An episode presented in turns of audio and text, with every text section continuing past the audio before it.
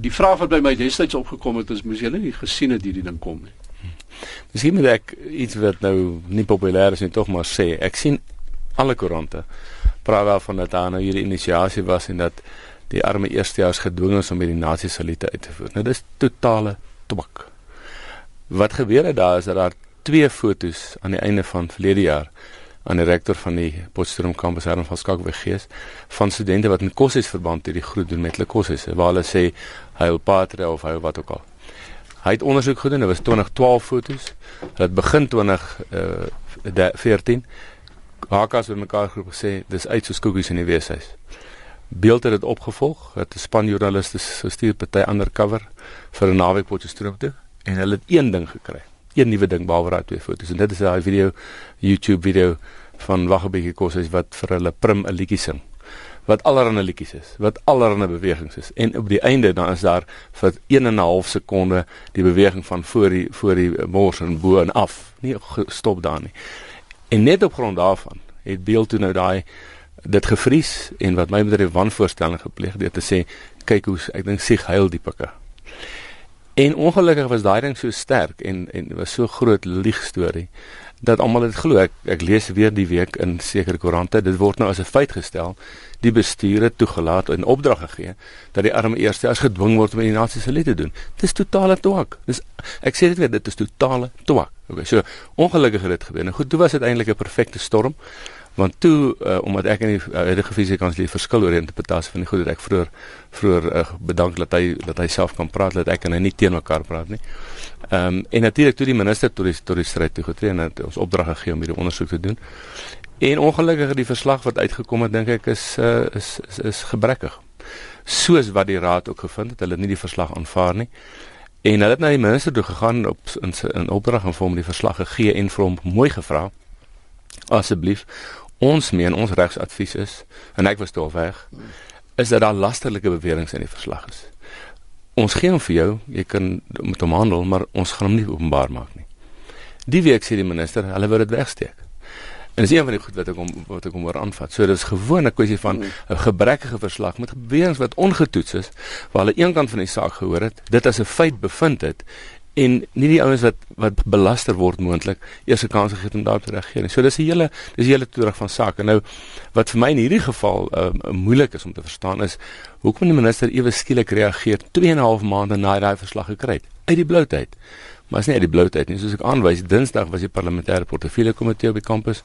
Donderdag het die minister die exco, die uitvoerende komitee van die raad ingeroep en hulle uitgevreet. Toe hou hy sommer 'n impromptu nuuskonferensie in Raaiwat. Vrydag word die nuwe fisiekanselier ingehuldig. So is alsmaar stemming maak oploop om weer 'n klimaat te skep. Nou my bekommernis is nie oor my nie. Jy weet ek bedoel baie ons het al lelik goed my gesê PW Botha het ook gesê ek het gelieg. Die punt is as as as enige minister vir Stellenbosch of vir Tikkies of vir Koffie sê hulle is 'n moreel bankrot in instelling, sal jy 'n geveg in 'n storm hoor soos nog iets anders. Maar omdat die NWI so ek dink half plat geslaan is deur deur deur al hierdie kontroversie het niemand gepraat nie. Die raad nie nie die fisiekanselier nie. En ek het die gevoel wel dat ek nou maar sê ek het niks om te verloor nie. Wat is die uh as ons nou kyk na van van Blydenseman se beskuldigings en ander mense se beskuldigings want daar daar is mense en daar's daar's 'n oud ehm um, dosent aan daardie universiteit wat wat wat ook sekere uh, stellings al gemaak het. Hmm. Ehm um, daar word beskuldigings gerig dat uh, daar 'n doelbewuste beleid is en optrede is deur die bemarkings en en en uh, afdeling hmm. van die van die universiteit om die kampus 80% blank te hou, wit te hou.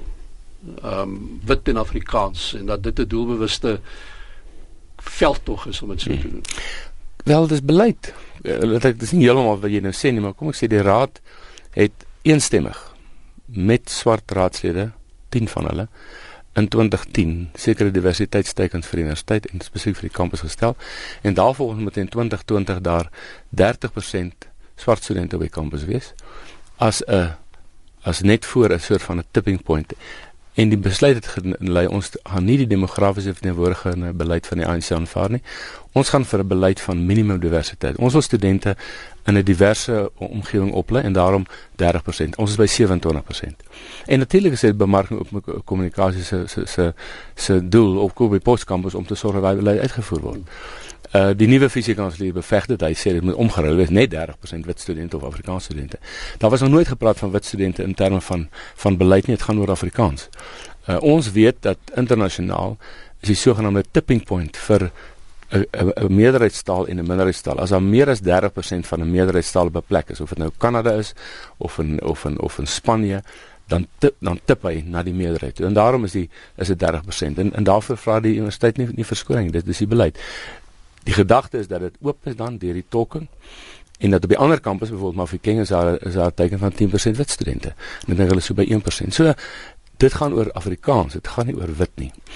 Ek het uitgewys dat in al die verslae wat beeld uitgebring het, en daar was baie, het hulle nooit na 'n voorbeeld van rasisme gewys op die kampus nie. Hulle en, en interessant genoeg hierdie gebrekkige wisselsverslag het bevind, daar is nie 'n nasie kultuur nie, daar is nie 'n fasistiese kultuur nie.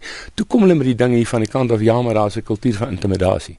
Maar dit gaan oor personeel wat gekla het. Dit gaan nie oor studente nie. So ek wil graag hoor watter studente is geïntimideer, watter studente is gedwing om 'n nasie lied te doen of jy weet, so daar is nie daar is nie openlike voorbeeld van rasisme. En ek sê ook in my brief natuurlik ge gebeur daar dinge wat wat onaanvaarbaar is.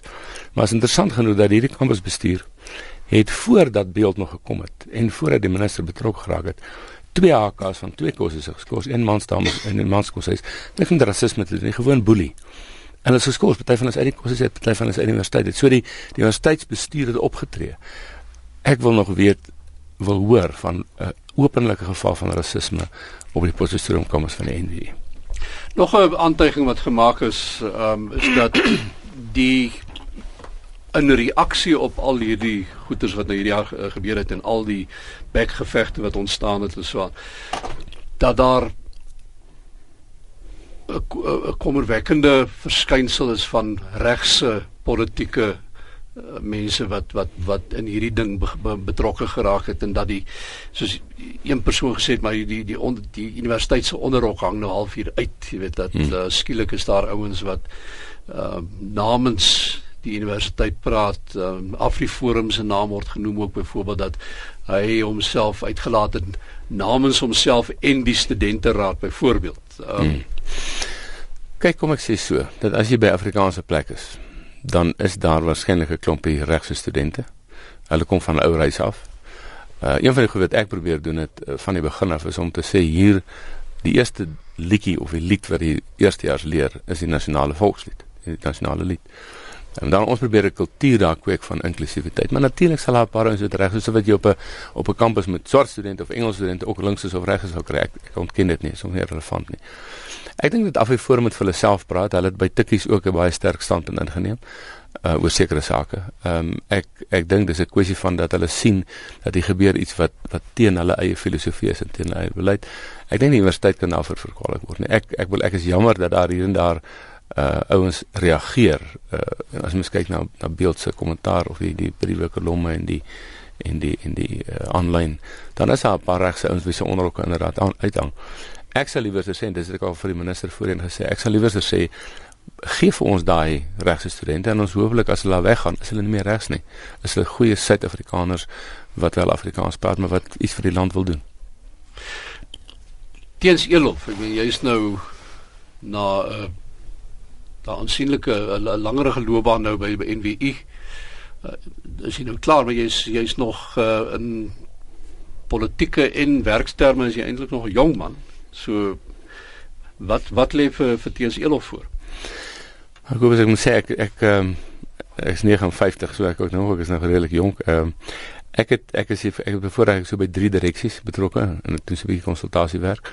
Ek is voorsteur van van Dagbreek Trust wat 'n uh, 'n groot trust is wat uit die media daar uitkom en wat Afrikaans bevorder en 'n groot voorsteur van Astra Foods en daai twee goed hou my weet goed besig. Hmm. En natuurlik probeer ek my voorgee in golf na enkel voorgee toe afkry. Sukkel bietjie daarmee op die oomblik nog. Ja, ek ek het opgehou golf pleeg toe ek af toe kom. Ek gaan nooit in daai enkel syfers inkom ja. so.